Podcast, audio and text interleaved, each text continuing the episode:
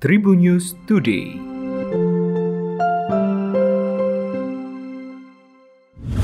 Tribuners berjumpa kembali bersama Hakim di Tribun News Today dan Hakim akan berbagi informasi menarik hari ini mulai dari informasi nasional, regional, selebritis hingga informasi olahraga. Informasi pertama, Keluarga korban tragedi Kanjuruhan turut menanggapi aksi sujud massal yang dilakukan oleh Kapolresta Malang Kota Kombes Pol Budi Hermanto serta jajarannya saat apel pagi di halaman Mapolresta Malang Kota Senin 10 Oktober 2022 kemarin.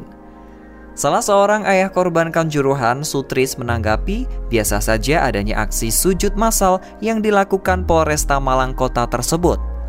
Karena menurut Sutris, aksi sujud massal itu tidak ada pengaruhnya bagi korban tragedi Kanjuruhan.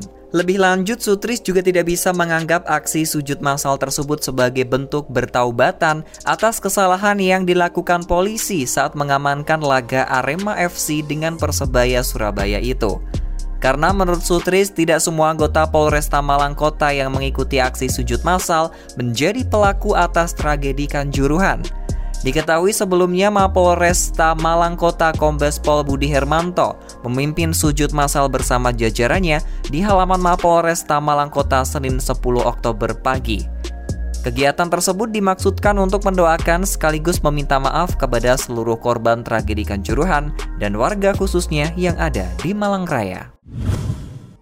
Tiga tahanan yang kabur dari Mapolsek KSKP Bumbaru Polresta Palembang akhirnya berhasil diringkus tim gabungan Polres Pelalawan. Bukan di Palembang, ketiga tahanan ini diamankan di Kecamatan Pangkalan Kerinci, Provinsi Riau.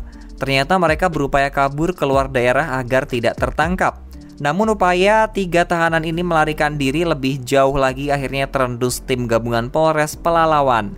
Ketiga tahanan diamankan dari dalam sebuah bus antar kota antar provinsi atau AKAP di Jalan Lintas Timur Jalintim Kecamatan Pangkalan Kerinci pada Senin 10 Oktober malam. Ketiga pria itu langsung diminta turun oleh petugas dan juga diamankan. Belakang ini diketahui ketiga pria tersebut merupakan tahanan yang kabur dari Palembang dan hendak melarikan diri melewati Jalintim Pelalawan.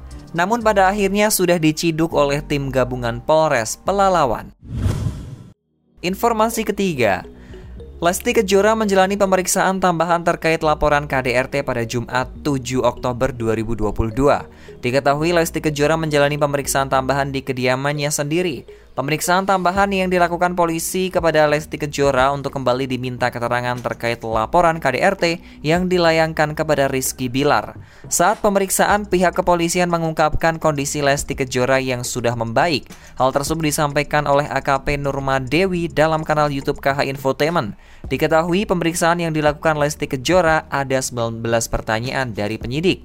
Lesti pun disebut bisa menjawab semua pertanyaan yang diberikan. Kendati demikian, saat ini Lesti sedang menjalani ibadah umroh.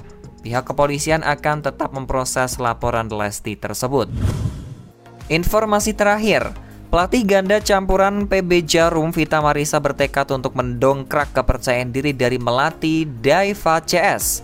Terlebih mengingat melatih Daeva dan kolega di Depak dari pelatnas PBSI, Vita Marisa ingin membantu para atlet untuk bangkit kembali. Adapun pemain-pemain yang dikeluarkan dari pelatnas adalah Pravian Jordan, melatih Daeva Oktavianti, Akbar Bintang Cahyono, Marsheila Gisha Islami, dan Dejan Ferdiansyah serta Gloria Emanuela Wijaya. Setelah didepak dari pelatnas PBSI, kini pasangan tersebut dalam naungan PB Jarum. Menurut Vita Marisa, dirinya bertekad untuk membantu para atlet untuk bangkit kembali.